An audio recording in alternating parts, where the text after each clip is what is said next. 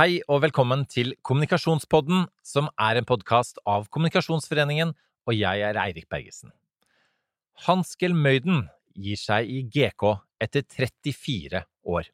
I samtale med leder i Kommunikasjonsforeningen, Annelise Mørk von de Feer, reflekterer han over utviklingen i kommunikasjonsfaget. Så skal vi se her eh, Hans, skal vi se Du ville ha vann, men ikke kaffe. Veldig fint. Ville helst ha boblevann. Det har vi ikke. Denne, ja. Så, og så Nei, vi driver ikke med bobler her inne. um, uh, Men la oss, la oss være så formelle at vi sier velkommen da, eh, til deg, Hans Gemøyden. Tusen takk. Eh, 34 år i GK. Um, og også eh, vår leder, får jeg vel si, i Kommunikasjonsforeningen, Annelise Mørk von der Feer. Mm, takk for det. Velkommen inn i samtalen. Eh, Vi skal, eh, vi skal, vi skal snakke om um, Jeg føler at vi allerede er sånn halvveis ute i programmet. ja. Um, fordi da du kom hit for et kvarter siden, så var du i gang uh, med en uh, samtale om altså, altså bransjen. Og da jeg sa PR-bransjen, så arresterte du meg med en gang. For det, du liker ikke det ordet eller det begrepet? Eller? Nei, jeg har aldri likt ordet PR. Nei. For meg står det for på restaurant, og det er sånn den bransjen fungerer fortsatt, i den grad det er noen bransje. Så den interesserer meg ikke, det er samfunnet som interesserer meg. Og, og kommunikasjonsbransjen? Eller altså Nei, ikke bransjen Nei, ikke bransjen heller. Nei. Eh, Og egentlig ikke så veldig mye penger i det heller, selv om det høres politisk eh, korrekt ut. Så er det faget. Ja. Som i den grad eh, nå har engasjert meg her, i tillegg til samfunnet, så er det faget. Og det, og det vi skal se tilbake på, på de, altså de 34 årene du hadde i GK, har kommunikasjon som fag endret seg mye. Vi skal se litt tilbake på det. eh, Men bare sånn, før vi går tilbake, la oss gå litt fremover. For du er, du er ikke ferdig med kommunikasjon. Nei, eh, og du vet, det er jo Jeg syns det er veldig forunderlig å se på protestene i Frankrike, hvor de slåss for å holde lav pensjonsalder. For realiteten er jo at min generasjon blir dere ikke kvitt så lett. Altså, eh, vi er bank i bordet relativt god helse, vi passer på kroppene våre, eh, og vi kan jo sannsynligvis være skapende mennesker i 30 år til. Ja, så de som jeg gleder seg eh, over, eller frykter at du er borte, det er du ikke. Nei, overhodet ikke. Jeg skal finne nye måter å plage nye grupper på, på eh, i, i mange år til. Jeg, jeg, så en artikkel, eh, det var vel E24, som, hvor det var et sitat her. Nå har jeg pushet med GK i 34 år og ser fram til å bruke skaperkraften min på nye prosjekter utenfor kommunikasjonsindustrien. For Rocambole er ikke død. Ja, er Rocambole, tror jeg den kalles. Rocambole. Ja. Men det, det var jo vi var ikke forklart noe i det hele tatt i den artikkelen. Så jeg måtte jo, måtte jo google, åpenbart ikke googlet uh, hvordan man uttaler det. Men altså, hvem var Ro- Rocambole? Rocambole eh, var en uh, romanfigur på 30-tallet. Men vi pleide jo alltid å si når noen reiste seg igjen, at Rocambole var ikke død. Så det var altså en sånn skikkelse som hadde ett ben i graven hele tiden, men som alltid kom sterkere tilbake. Og som, jeg, og som egentlig var godt, ganske godt likt, i hvert fall respektert, da. For det syns jeg var hyggelig. Men nå som du er eh, liksom ferdig som sjef i GK, hva, hva tenker du, hvordan ser du at uh, faget har utviklet seg siden du begynte å starte firma? Ja, nå sa jo Eirik at faget hadde utviklet seg en del. Det syns ikke jeg det har gjort. Nei. Jeg syns det har stått uh, helt stille, faktisk. Uh, jeg håper jo at jeg har delt noe kunnskap i noen sammenhenger, utviklet noen talenter osv. Men jeg tror at grunnen til at, at faget står stille, er at man definerer faget feil. Ok. Um, fordi faget er jo, grunnen til at jeg syns det var morsomt, er jo at faget er veldig mangefasettert. Mm. Og min innfallsvinkel har alltid vært samfunnsinnfallsvinkelen. Mm. Så det som interesserer meg, er samfunnet. Mm. Og så er det klart at uh, med den innfallsvinkelen er jo kommunikasjon en fantastisk måte å skape fellesskap på. Mm. Eh, og det er jo det som kommunikare betyr også, å, å gjøre noe felles. Uh, så det er altså et allmennmenneskelig fag, og hva særpreger et allmennmenneskelig fag? Jo, kompleksiteten i det og størrelsen på det. Eh, Og, de, og for å forklare, eh, så vil jeg da fragmentere det, bryte det ned, og si at det er jo mange fag i det faget som skal til for å være flink. Mm.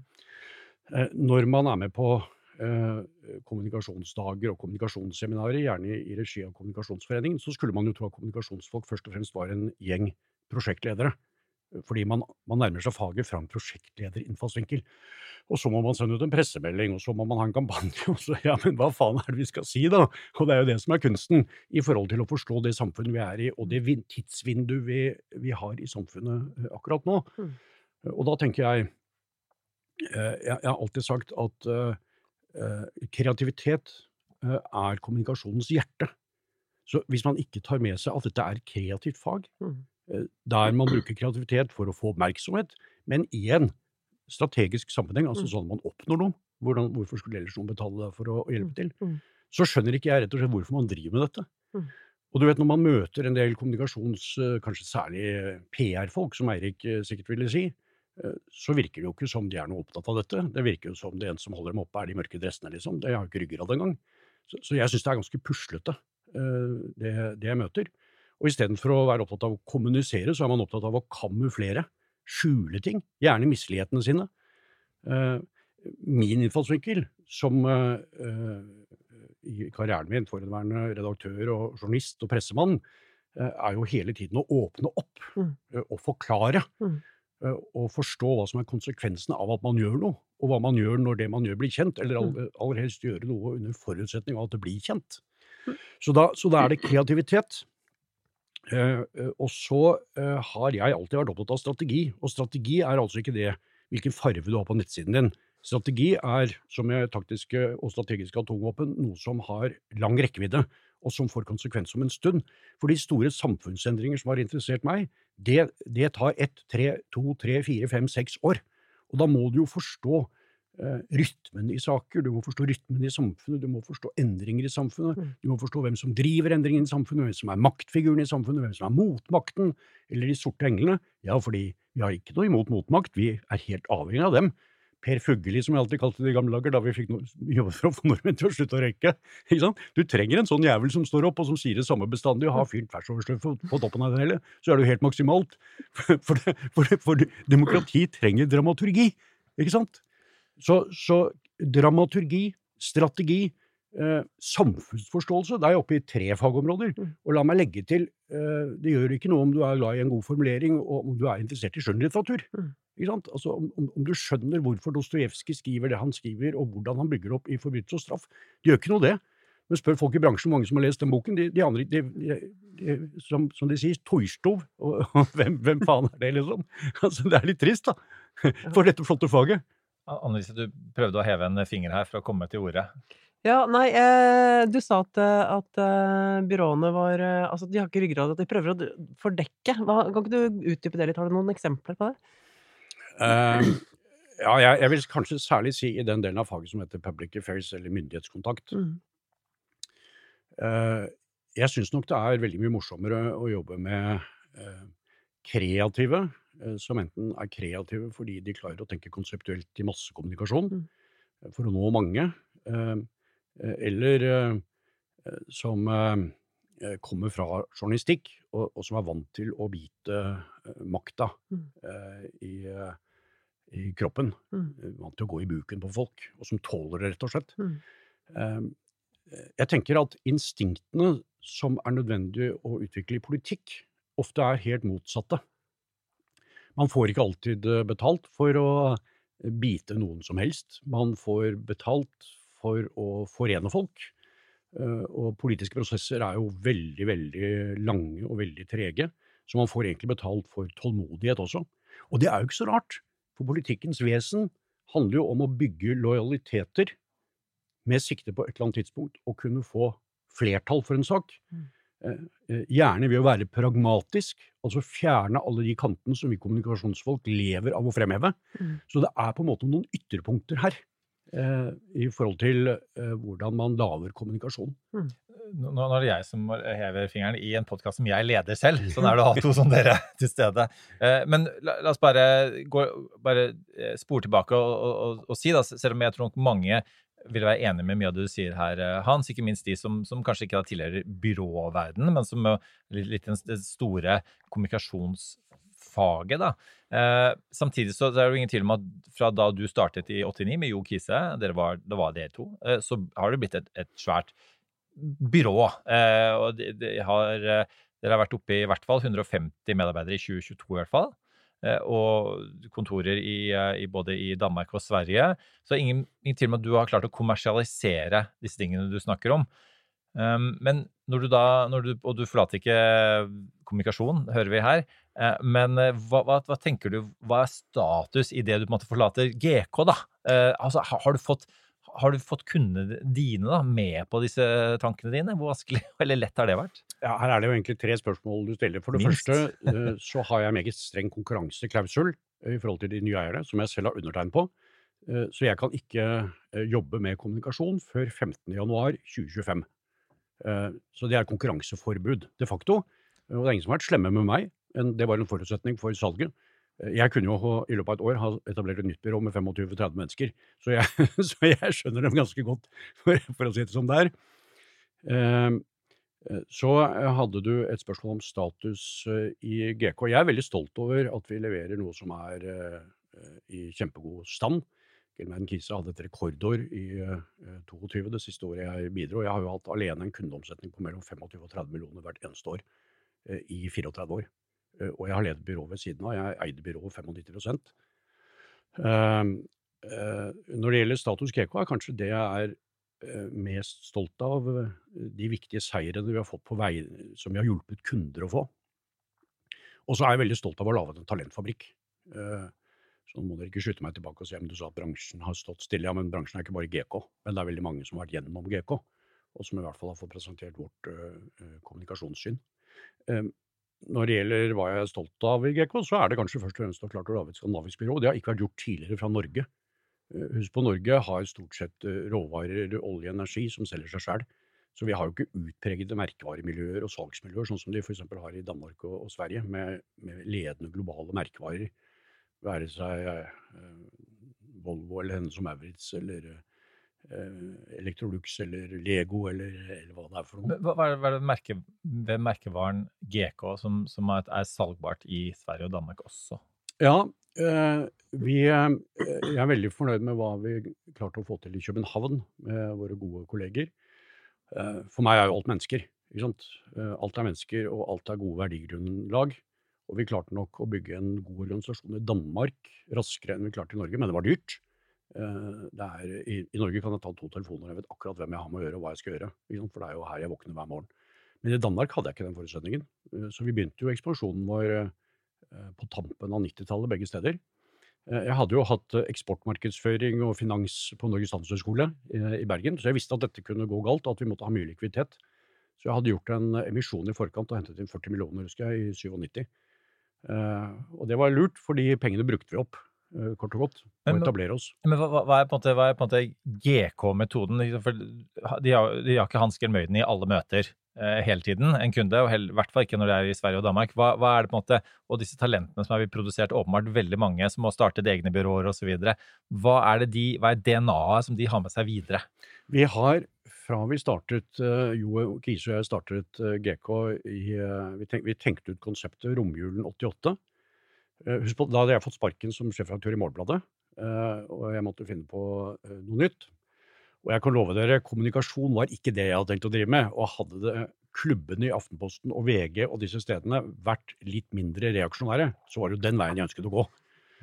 Eh, Så GK ble tatt med tang, og det var Jo Kise som, som sa hans det er en grei måte å tjene penger på, for det er jo faen ikke noe gjerde inn i den bransjen. Det er jo en åpen villmark, og det må siviliseres. Så la oss se om vi kan gjøre det. Og så var vi enige om én ting. Eh, Vi vil jobbe med de morsomste folkene. Og det har vært drivkraften hele tiden.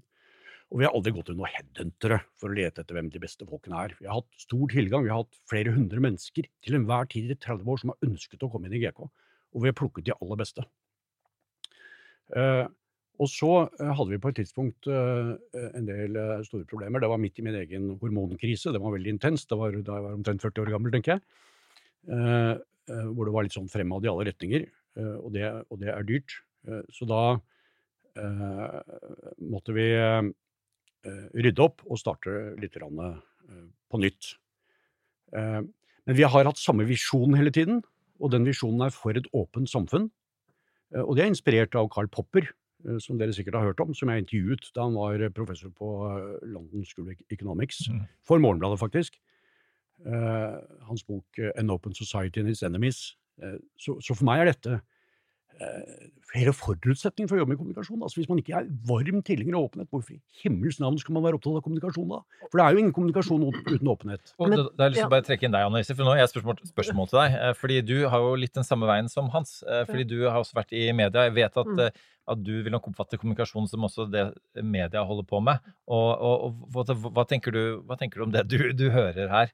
Eh, om, den, om den eh, koblingen der, om, om kommunikasjonsbransjen som føler at de er en del av den store offentligheten? Det, som, det tror jeg er helt riktig. Jeg tror at veldig mange som jobber med kommunikasjon, eh, opplever at de jobber for åpenhet. Um, og så er det selvfølgelig opp til virksomhetene hvor stor grad av åpenhet de ønsker å ha, da. Men at, um, at kommunikasjonsfolk gjør det. Og, at, og det er derfor veldig mange ble veldig opprørt over regjeringen og Hurdalsplattformen, hvor man sier at særlig statlige virksomheter skal begrense innkjøp av kommunikasjonsbyråer. Eh, Hva tenker du om det? Jeg, jeg tenker at jeg er aldeles overløs som det meste med denne regjeringen. Eh, Et eh, eh, ren populismetenkning. For jeg tenker at regjeringens fundament i Hurdal, og i den grad Vedum har klare resonnementer, så handlet det om å ri populismebølgen med å sette folk opp mot hverandre. Mm. Og da tenkte han vel rett og slett at man skal ha enorm emosjonell kapasitet for å kunne sympatisere med kommunikasjonssjefer, så la oss ta den gjengen. Mm. Akkurat som man skulle ta sykkelbyråkrater og hva det var for noe annet. Alle som bodde i byer. Og, Mm. Så det var jo eh, bare trist, eh, egentlig. Um, eh, men men la, meg, la meg ta et eksempel i, i disse dager. Statkraft og disse enorme bonusene, særlig på tradersiden. At ikke Statkraft og ledelsen i Statkraft og uh, Toril Vivei, som jeg kjenner godt og har stor respekt for, uh, og Christian Rygne Tønnesen, at de ikke forstår at man i et selskap 100 eiet av den norske stat må følge andre spilleregler enn man kan gjøre i et 100 privateid børsnotert selskap. De er jo ikke på børs heller. At man, at at man blir trukket gjennom søla eh, i et forsøk på ikke å svare på et så enkelt spørsmål som hvor i himmelens navn har styre og ledelse vært i dette caset? Men hvis du hadde jobbet som kommunikasjonsrådgiver for dem, da, Det er jo ikke noe annet å gjøre her enn å legge kortene på bordet, og så får jo styret overleve hvis styret kan det, eller Rynning Tønnesen stå for det han kan stå for. Men, men jeg kan bare spørre, fordi, men, men det er vanskelig å svare annerledes akkurat i dag, fordi vi Mm. vet jo ikke helt Vi har jo ikke fått sett disse papirene. mm. De, de har jo drevet med denne kamuflasjeøvelsen sin nå i snart en måned. men er det noe som kjennetegner populister, så er det, er det at de tar utgangspunkt, og, og gjerne splitt og hersk, men, men altså med utgangspunkt i noen tanker som er der ute blant folk. Da. Eh, Og det er åpenbart at det er, mange som er mistroiske til kommunikasjonsbransjen. Derfor eh, får du den type politiske utspill. Eh, Føler du noe ansvar for å ha vært med å skape en situasjon hvor folk er mistroiske til kommunikasjon? Nei. Men det var derfor jeg sa i sted at jeg syns ikke bransjen har kommet noe videre på disse 34 årene. Fordi de driver med akkurat det samme nå som før. Så hadde de hørt på meg, så hadde de ikke vært der. Men det, det, du, for, for, for meg er dette Ja. altså et spørsmål om, om åpenhet, å beherske åpenhet. Men du blir ofte eh, koblet på begrepet eh, å flytte makt. Skjønner du at, at en del mennesker syns at det er et kontroversielt begrep? Nei, det er jeg helt uforstående til, fordi det er jo det demokratiet handler om. Eh, Og jeg kan ikke skjønne at det er noe hokus pokus. Mm. Det er jo det et åpent demokrati handler om. Eh, Interessemotsetninger og Hegels eh, tese, antitese, syntese, komme frem til noe bedre. Og selv har jeg aldri trodd at jeg vet best. Selv har jeg bare trodd at jeg kommuniserer det beste jeg vet. Eh, Og så har jeg alltid vært sikker på at det er noen som kommer eh, imot meg, og som vet bedre. Og den måten tror jeg ærlig at eh, demokratiet og samfunnet blir bedre, fellesskapet vårt blir bedre. Så det har jeg ingen forståelse for. Men det, det kanskje en del er skeptiske til, er at, at den delen av måte, makt som flyttes måte, bak kulissene, um, at, at eh, gjerne da i, i ehm, koordinert med, med et selskap, et kommunikasjonsselskap og kundene deres. Er det noe der som man burde kunne gjøre annerledes for, for å unngå den mistenkeliggjøringen som åpenbart finnes i samfunnet? Ja, vi som jobber med kommunikasjon, vi kan lære ledelsen å kommunisere istedenfor å kamuflere. Mm. Uh, og det er det jo noen som forstår, men veldig mange som ikke gjør. Og veldig mange som tar kontakt med kommunikasjonsbyrået for å få hjelp til å kamuflere. Og, er, og der tror jeg skepsisen ligger. Nå er det sikkert ikke bare vi, men andre som har lyst til å utnytte seg denne, denne, eh, hva skal jeg kalle hvetebrødsdagene du har før du skal før du eventuelt har muligheten til å Mm. begynne profesjonelt med kommunikasjon igjen, da, for å spørre deg eh, Nei, her må jeg få avbryte deg. Altså, Ja, jeg hadde ikke solgt. GK hvis jeg ville fortsatt å jobbe med kommunikasjon. Og det kan jeg forklare på, på en helt, helt annen måte. Eh, Du vet, når du har stått på hamsterhjulet i 34 år, så har du stått nok på hamsterhjulet. Eh, Så da tenker jeg tiden er inne til å jobbe innenfor en annen type forretningsmodell og bidra til samfunnet på andre måter. Og, eh, Kan du si hva du tenker på da? Ja. Hva, hva er planen? Eh, eh, la meg bruke eliminasjonsmetoden, fordi eh, det første jeg bestemmer meg for, er at eh, jeg har altså vært linjeleder, som det heter, med resultatansvar i 40 år. Eh, og det har gjort nok, eh, og det har jeg ikke behov for. Eh, og nå har jeg eh, klart å eh, bygge en økonomisk eh, buffer som er stor nok til at jeg er økonomisk uavhengig. Jeg kan i realiteten gjøre hva faen jeg vil, Mm. eh, og det er ganske deilig. Jeg er veldig opptatt av frihet, mer enn de fleste, og veldig opptatt av uavhengighet, som er en viktig dimensjon oppi dette. Så det syns jeg er fantastisk deilig. Men så syns jo jeg det er trist at eh, ikke politikere har klart å gjøre noe med pensjonsalderen utover pensjonsreformen, som Stoltenberg fiklet litt med, liksom. Men det er jo ikke ferdig verk. Eh, Og, nå er eh, ikke sant, en pensjonsalder, ja, AFP fra 62, pensjonsalder fra 67, men vi kan altså drive på i vår generasjon i å være skapende i 20-30 år til. Det er 10 eh, som lever i- industrien, og som kanskje er opptatt av, at, av en pensjonsalder.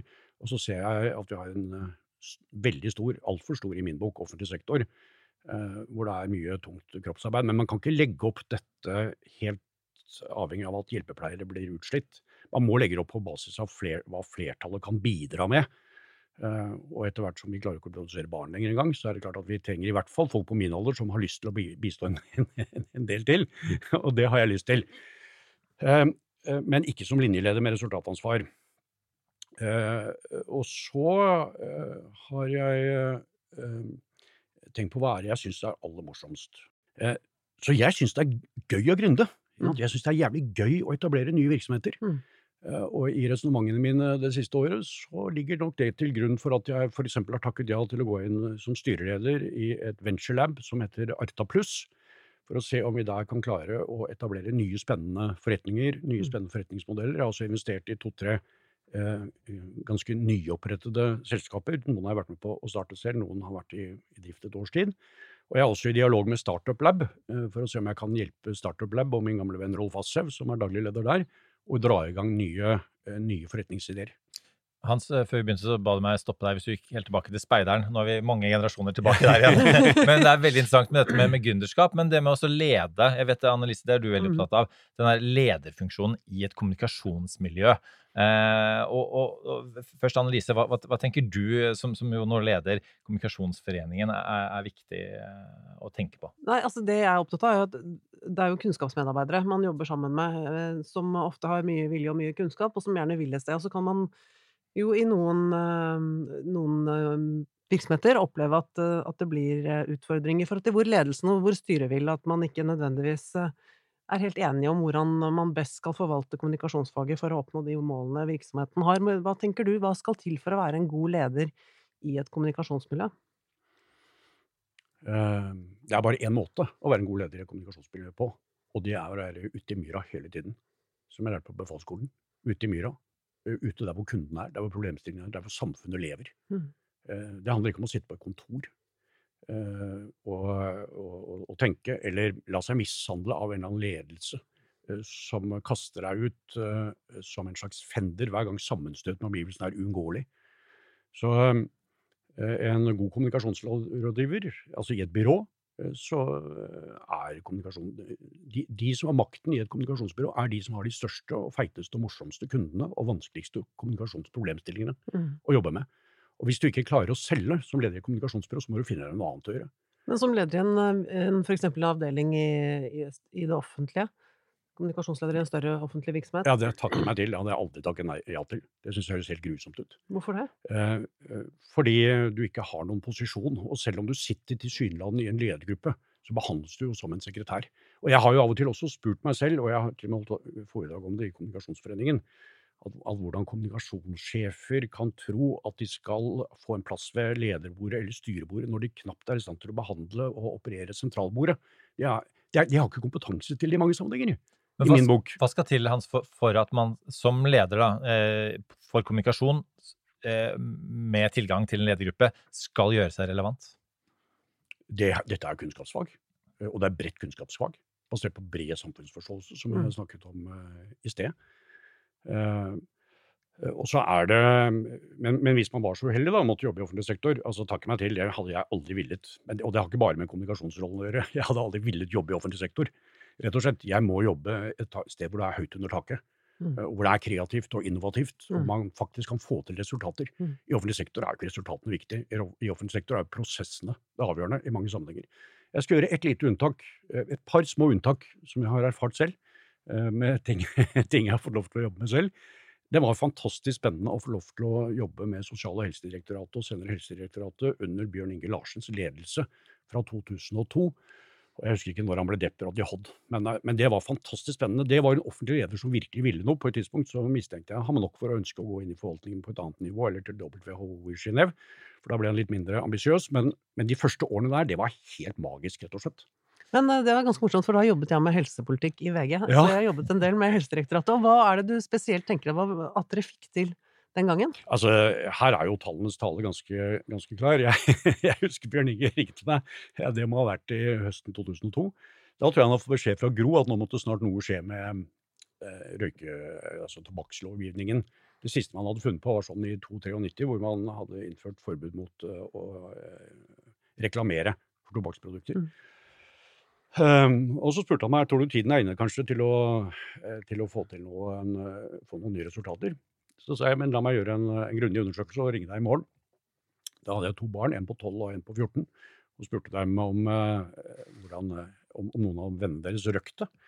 Uh, og så sa de nei, det er teit å røyke. Og så ringte jeg tilbake til Bjørn Inge neste dag og sa jeg nå har jeg gjort en markedsundersøkelse, og det viser seg at, at det er teit å røyke. Så husk på at Stortinget hadde gjort et vedtak om at man skulle halvere ungdomsrøyking eh, ikke sant, i 2001. Så derfor var målgruppen, mm. målgruppen relevant, da, for å si det sånn. Hvor mye fakturerte du for det, Hans? Nei, ingenting. Var, jeg var i pitch. kommersialiseringen av bransjen. jeg var i pitch. Men, men la, la, meg bare Og så startet vi samarbeidet, og du spurte om ja. resultater. og da, ja. Eh, på det tidspunktet så var altså 34% av den norske befolkning dagligrøykere. Ja. Eh, og Stortingets vedtak var at man skulle halvere ungdomsrøyking innen 2006, tror jeg det var. Mm. Uh, eh, og, eh, og, det har man jo nådd. Og mm. vel så det. Nå tror jeg prosenten dagligrøykere er 17-18% og jeg tror at prosenten ungdomsrøykere er godt under 10. Og så kan du si ja, men de har startet med snus osv. Mm. Men, men her ser du at det å bevisstgjøre, og vi mm. gjorde jo det gjennom det vi selv kalte fryktvekkende kommunikasjon. Vi skremte jo livskiten av folk. ikke sant? Sånn ser det ut inni deg hvis, du, hvis du røyker. Mm. ikke sant? Jeg tror effekten av den kampanjen var ganske stor, faktisk. Og det var ikke bare GK, altså. Vi fikk bare hjelpe til. Ja. Men det var en ledelse den gangen i Sosial- og helsedirektoratet som virkelig ville forandring. Og da var det gøy. Ja, det er altfor mye av forvaltning som ikke vil forandring. De vil først og fremst uh, ha til smør på maten og gå hjem klokken tre. Sorry. Men jeg, jeg, husker dette her veldig godt, for jeg har jobbet ganske mye med det. Og jeg husker at uh, den dagen forbudet trådte i kraft med å røyke eh, inne, Eh, på restauranter og kafeer, så sa Dagfinn Høybråten, som da var helseminister, at uh, dette kommer Norge til å takke meg for. Og folk fnyste som bare det, men han fikk jo helt rett. Ja, men han tok nok litt mer ære for dette enn han burde. Fordi uh, du vet, røykeloven er jo bare en, snakk om å fjerne en dispensasjon i arbeidsmiljøloven i forhold til å røyke på utesteder. Så hvis Høybråten er røykelovens far, så er Gerdliv Valla røykelovens mor. For uten samarbeid med Gerdliv mm hadde dette aldri vært mulig. Gerdliv og Hotell- og restaurantarbeiderforbundet. Ja. Hadde ikke de støttet dette, hadde, de, hadde vi aldri fått det til.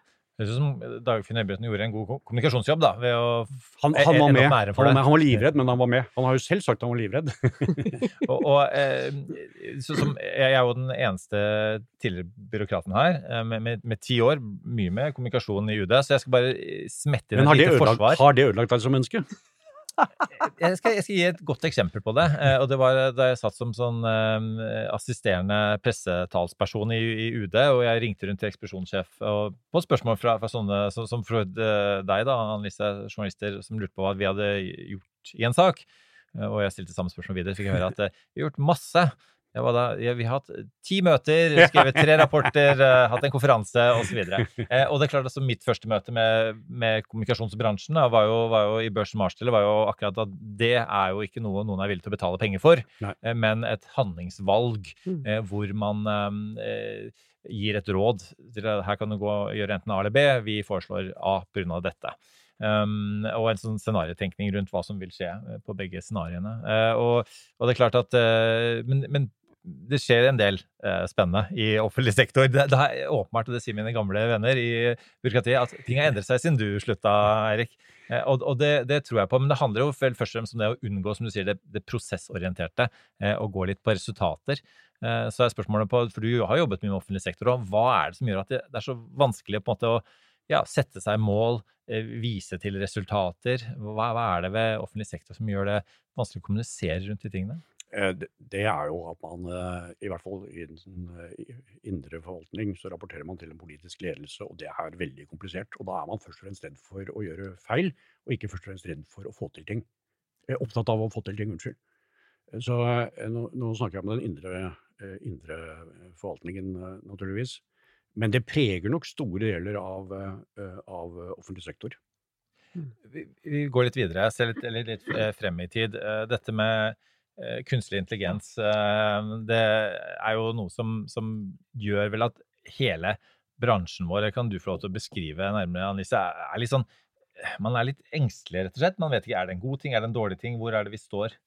Altså, ja, det, det store spørsmålet er jo hva vil den, nye, den uh, kunstig intelligens gjøre med faget vårt? Um, nå er ikke jeg blant de dommedagsprofetene som tror at uh, faget vårt vil forsvinne, men jeg tror det vil, vil nok endre det ganske mye. Jeg var jo med på digitaliseringen av uh, av mediene da jeg jobba i VG, eh, hvor VG var landets eh, største papiravis med et opplag på nesten 400 000 på hverdager da jeg begynte der i 2002, og, og nå er jo papiravisen forsvinnende liten i opplaget, mens journalistikken består jo fortsatt. Um, og VG har jo funnet måte å tjene penger på. Ja, VG har definitivt uh, klart å, å, følge med i tiden. Men, um, og de, mange av de andre norske avisene også, men det er jo blitt et helt annet landskap. Men hvordan tenker du, Hans, på at, eller hvordan ser du for deg at kunstig intelligens vil påvirke yrket vårt som kommunikasjonsutøvere? Eh, to ting. Jeg er imponert over eh, den jobben eh, jeg vil si særlig Torry Pedersen gjorde eh, som leder for å få organisasjonen med på dette. Jeg minner om, jeg var med på å starte Nettavisen i 1996-97, og hadde VG fulgt med i timen den gangen, så hadde ikke vi klart å etablere Nettavisen. Nei. Så det satt langt inne på slutten av 90-tallet. Da var det jo papiravisen som rulet, mm. og ikke pokker om man skulle publisere noe først på nettet. Og dermed kunne vi jo i Nettavisen virkelig boltre oss i ganske mange år, da, før, før VG våknet. Men så våknet VG ordentlig. Eh, så jeg er imponert over eh, den jobben dere har gjort. Og så til kunstig intelligens. Eh, det er jo Når man er opptatt av gründerskap, så er det jo interessant å se at det stort sett er den samme rytmen i ting. Først kommer det en ny teknologi.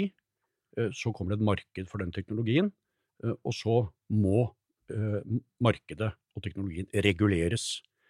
Eh, altså, jeg er ikke noe frimarkedsmann. Eh, jeg er en konservativ som er opptatt av sterke institusjoner i samfunnet. Og at man forandrer det som er dårlig, og beholder det som er godt. Det er jo Berks grunnidé, egentlig. Men på et tidspunkt må du regulere, og kunstig intelligens skremmer meg, ikke fordi noen kommunikasjonsfolk kanskje mister jobbene sine, mm. Eh, hvis de ikke skjønner at, eh, at, kreativitet er kommunikasjonens hjerte, så tenker jeg de fortjener å miste jobbene sine. Eh, det er jo stort sett rutinejobber som blir automatisert mm. i en business to business-modell.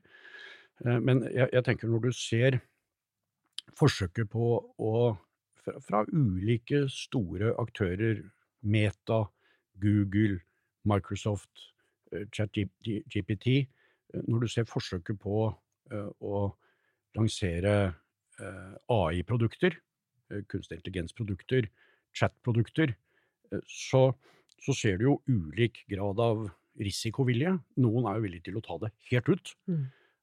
og da blir jo dette farlig. Bing er et eksempel på det på Microsoft, hvor det ble trukket.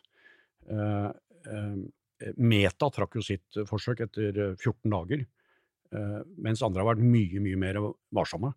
Eh, jeg merket meg også at eh, Musk og andre ledende mm. teknologigründere sa at nå må vi stoppe opp i et halvt år. Og det tror jeg er veldig klokt. Jeg tror kanskje man må stoppe opp enda lenger, rett og slett fordi de politiske prosessene tar så lang tid. Eh, så her er Hvis vi går tilbake og tenker politisk, da. For oss som er vokst opp i etterkrigstiden, så har politikk stort sett handlet om hvor i hvilken grad staten skal blande seg inn mm. i menneskelig gjøren og laten.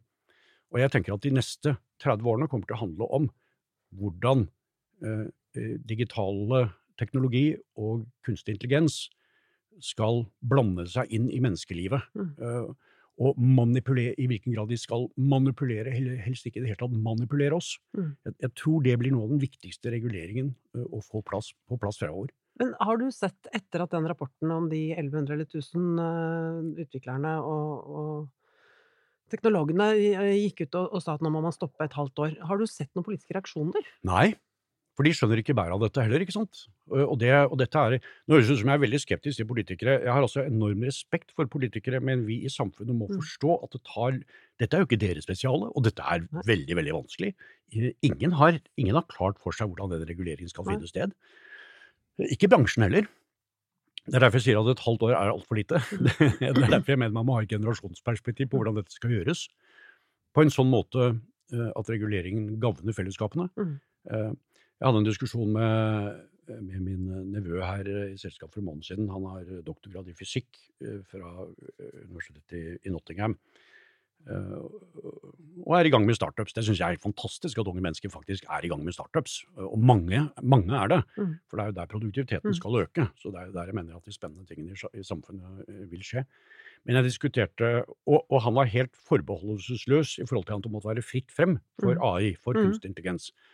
Og, og jeg forklarte min sak, da, og forklarte som jeg gjør nå, hvorfor jeg er elsker teknologi, men skeptisk til anvendelsen av teknologi. Altså at vi må ha regulering. Um, og jeg tror et naturlig sted å begynne er å finne en mindre manipulativ tittel enn kunstig intelligens. For dette har jo ikke, selv om det er nevrosystemet man forholder seg til, så har det jo ikke noe med intelligens å gjøre. Nei. Og jeg tror hvis du spør ute på gaten hva folk forventer at dette er, det er jo algoritmer. Eh, De aller fleste har jo nå gått inn og så har de spurt chat GPT eh, hvem er familien Gelmeiden, liksom, og hva har man Ja, man, man er seg selv nærmest. Og da får man jo veldig rare svar, da. ikke sant? Jeg vet ikke om dere har testet det Jeg gjorde det i går kveld. Jeg, to, jeg var født i 52, det er jeg ikke. Nei, ikke sant? Og, og, og, da, og da ser du jo, jeg holdt på å si, ref eh, utviklingen i det amerikanske samfunn med denne voldsomme polariseringen som, som skremmer meg. Jeg er så glad for Biden at jeg våkner opp hver dag. Aldri bedt til Vår Herre, men jeg, nå sender jeg noen bønner til Biden om at han skal holde det gående i hvert fall ut perioden sin. Han ser så dårlig ut når han går i flytrapper og sånn, så, så jeg er litt nervøs faktisk. Men, eh, eh, men, men når, du, når, du, når du ser fake news, når du ser hvordan man bruker den type tilbakemeldinger til å manipulere og bygge opp unioner på helt feil grunnlag, Mm. ja, da skjønner du godt hva jeg mener. Det, det er skremmende, og det kan misbrukes veldig. Er ikke en av de store utfordringene med, med kunstig intelligens, altså vi bruker det ordet fortsatt, eller, eller, altså teknologisk utvikling, at den er grenseløs? At hvis du skal, du, skal du bruke, skal du f.eks. en offentlig forvaltning da, skal eh, ha løsninger på, på digitale løsninger som vi som eh, innbyggere i Norge skal bruke, så går jo det helt på tvers av alle kommuner. Det er ikke sånn at den enkelte kommune skal ha sine unike systemer. Du må ha ett system som Mm. fungerer nasjonalt. Og det samme vil jo være internasjonalt, ikke sant? hvis man skal ha løsninger som skal fungere. F.eks. hvis man skal regulere eh, utviklingen av kunstig intelligens. Ja. Hvordan kan man få til det? Bare gjennom internasjonalt samarbeid. eh, I en polarisert verden. Og det er klart at det er eh, ekstremt krevende. Men Hans, vi um, I påvente av at det kommer en, en algoritme, en, en Hans Gemeuni-algoritme, da, hvor du dytter inn litt, litt Tolstoy og litt eh, 34 års erfaring eh, i, i, i GK, og at man kan eh, kjøpe seg de tjenestene gratis ehm, eh, ved å automatisere det hele. Eh, hva, vi, kan, vi kan ikke la være å, å spørre dette med kontroverser. Eh, Fordi du ble sitert på at eh, hvis ikke du mener noe, er du idiot. Du har åpenbart ikke vært redd for kontroverser. Det er det mange i bransjen eh, som er. De, man, man, man er ikke til stede i det hele tatt i offentligheten. Hvordan vil du beskrive dine 34 år lange erfaringer med, med, med å være såpass til stede i offentligheten, eh, på godt og vondt? Jeg er ikke redd. Jeg har aldri vært redd. Ikke habe keine angst. Jeg har aldri hatt det. Og det tror jeg ikke man skal ha. Man skal ha kjærlighet. Man skal ha kjærlighet til et fellesskap og forsøke å forstå det. Eh, og, og hvis man eh, Jeg har ofte tenkt at hvis man har angst, og hvis man er redd, så må det være redd for å miste noe. Hva skulle det være, på en måte? Uh, eller så er man redd fordi man tar feil. Det har jeg heller aldri vært, for jeg vet jeg tar feil. Eh, og da prøver jeg å rydde opp etterpå. Eller jeg prøver å ta til meg kunnskap og lære, sånn at det blir, blir bedre, rett og slett. Du hadde en runde hvor du, hvor du ryddet opp um, i, i offentligheten for, for Ja, det skulle, det skulle bare mangle. Og, Ja. det, og det var et Jeg har jo eh, når jeg når jeg har bygget egen kunnskap, da, så har jeg alltid brukt denne T-modellen. Altså, en T har et vertikalt element. Du må ha et faglig ståsted et eller annet sted. Jeg har mange ståsteder. Ikke sant? Fordi jeg, jeg, liker å prøve å se sammenhenger, og det skaper en stor overbygning på T-en. Men i denne sammenhengen, med min uh, nye, nye, venn Omar Ashraf, mm. uh, så, uh, så, var dette en debatt som oppsto rett etter at Floyd var drept Var det våren 20, tro? Jeg tror det. Juni 20 eller noe sånt. og man fikk en rasismedebatt. Og jeg husker Og jeg hadde ikke diskutert minoritetsproblemstillinger, dette er alle temaene jeg var engasjert på.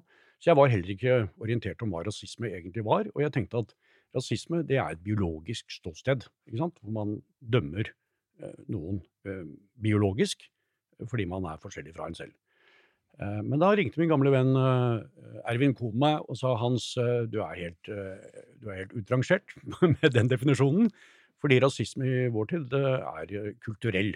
Og man snakker ikke ned til noen. Eh, ikke sant? Og det hadde jeg gjort. Så derfor ba jeg Omar Ashraf eh, om unnskyldning, og det tok han imot, og det var fint. Ja, og, og det, dere er åpenbart godt forlikte i dag, og vi hadde jo med Omar Ashraf i, faktisk i kommunikasjonspodden vi, litt, noen måneder før dette skjedde, med akkurat den samme problemstillingen om dette med minoritetsbakgrunn i kommunikasjonsbransjen. Kan ikke du bare eh, si to ord om, om det? Altså, for det er åpenbart en bransje som ikke er veldig preget av minoriteter. Hva skal til for å gjøre eh, kommunikasjonsfaget mer mangfoldig?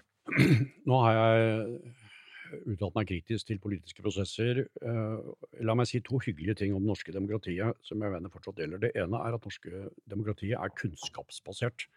Det er jo en av grunnene til at det tar tid også. Men det andre vakre ved det norske demokratiet er minoritetsvernet. Eh, ikke sant? Ehm, eh, ta Høyesteretts eh, prøvingsrett i forhold til Fosen og urfolks rettigheter som et glimrende eksempel. Altså, I USA har man det ikke sånn. I USA er det majoriteten som ruler. Eh, men sånn er det ikke i Norge. Og jeg håper virkelig at vi fortsetter å ta hensyn til minoriteter, rett og slett fordi nytenkningen nesten alltid kommer i form av minoriteter. Mm. Og det sier seg jo selv at nytenkning kommer ikke fra majoriteter, for majoritetene hadde det stort sett bedre i går, ikke sant? Så de forsvarer seg.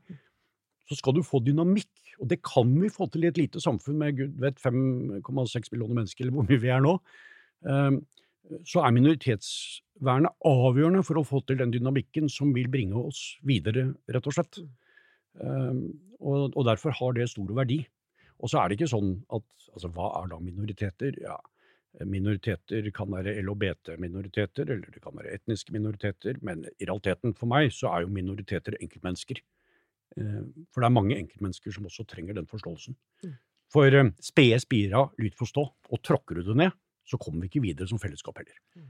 Eh, for, for meg handler all politikk om å forstå svake grupper.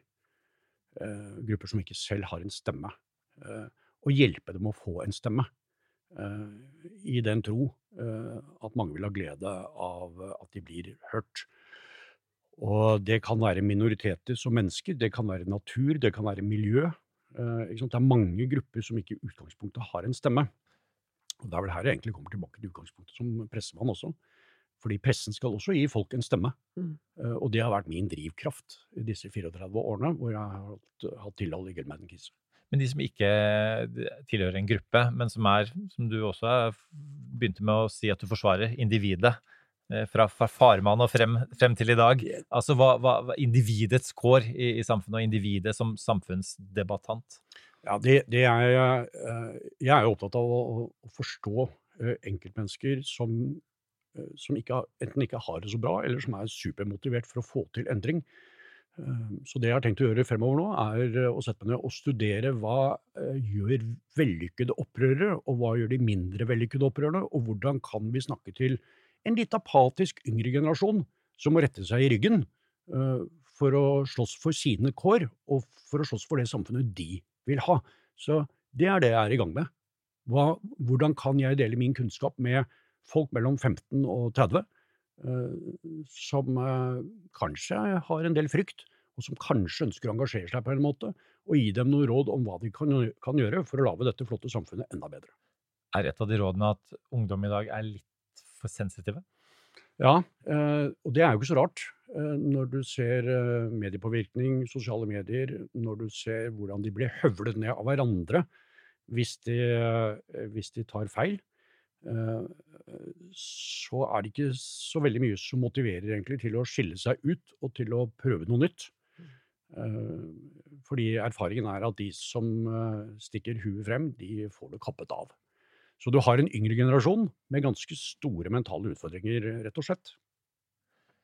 Eh, med det, vi kunne holdt på veldig mye lenger. Eh, Rokan Bole er ikke død, det er heller ikke Hans Gelmøyden. Tusen takk for at du var med oss her i dag, Hans, og også tusen takk til deg, Annelise, for, uh, for denne samtalen. Ja, tusen takk for en veldig bra samtale. Selv takk. Takk også til deg som hører på. Mitt navn er Eirik Bergesen. I redaksjonen har jeg med meg Malin Sundby Revå, Fredrik Meilegård Arnesen og redaktør Margrethe Sako Horde. Vi høres igjen om tre uker. Du har hørt en podkast fra Kommunikasjonsforeningen. Les mer om oss på kommunikasjon.no.